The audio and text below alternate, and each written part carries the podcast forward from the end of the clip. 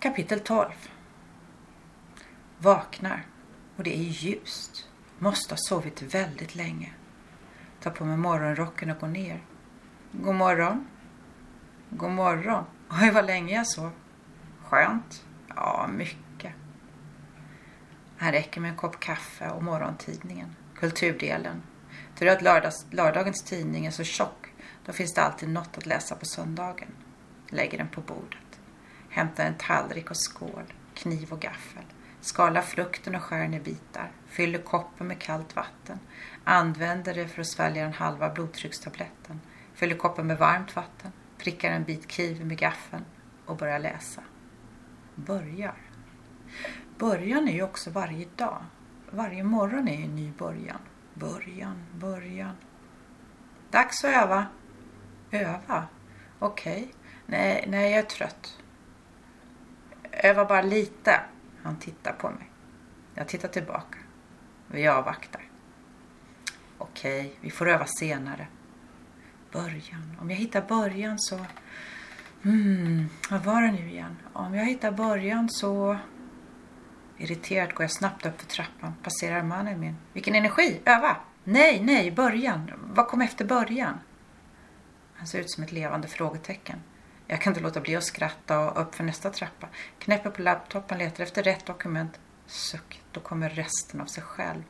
Men så var det. Då kommer resten av sig själv. Vilket resten? Vad är resten?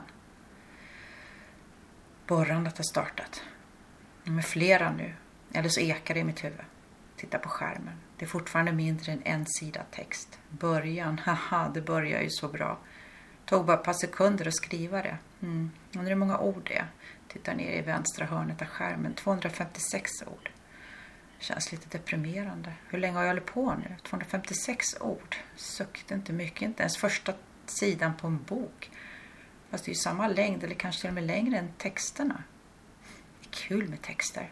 Att klura på ord, läsa orden för 158 gången, stryka hälften, bestämma att det är inget, knöckla upp pappret, slänga det, komma på att en av de första av de ihopknöcklade papperna kanske innehöll något bra. Vad var det? Just på det stämde orden lite bättre. Plocka upp pappersbollarna, släta ut dem. Nej, inte den, inte den, nej, nej. Jo, den här, den här, de här orden. Smakar på orden, ja. Det är kul. Men varför är det så svårt nu? Är det för att början är i vägen? De har slutat att borra. Ja, det har de. På riktigt. Slutat att borra eller är det kaffepaus? Sneglar på höger sida av skärmen. 10.59. Mm. I sådana fall tidig lunch. Man vet ju aldrig med byggnadsarbetare. I morse blev mannen och jag väckta av borrandet. Klockan 6.30.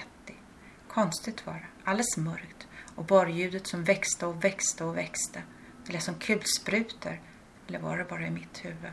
Undrar om någon vaknade i morse i panik. Trodde att det var kulsprutor. Undrar varför krig finns. Undrar varför vapen finns. Undrar hur man kan få slut på krig. RIP. Öppnar dokumentet och läser artiklarna. Ord, linkar till webbsidor. Allt handlar om vapen, krig, olyckor, terrorister, kriminella, olyckor, olyckor, olyckor, vapenolyckor. A råkar skjuta B, B råkar skjuta A. Bort. Alla vapen måste bort.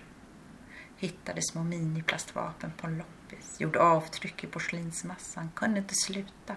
Fler och fler små fyrkantiga plattor med avtryck av vapen. De ska bort, trollas bort. En stor glasburk fyllde den helt med de små vapenavtrycken. Ett svart band, ett vitt porslinsband. Tryckte in RIP. Rest in peace. Tänk Tänk, alla vapen får vila i fred.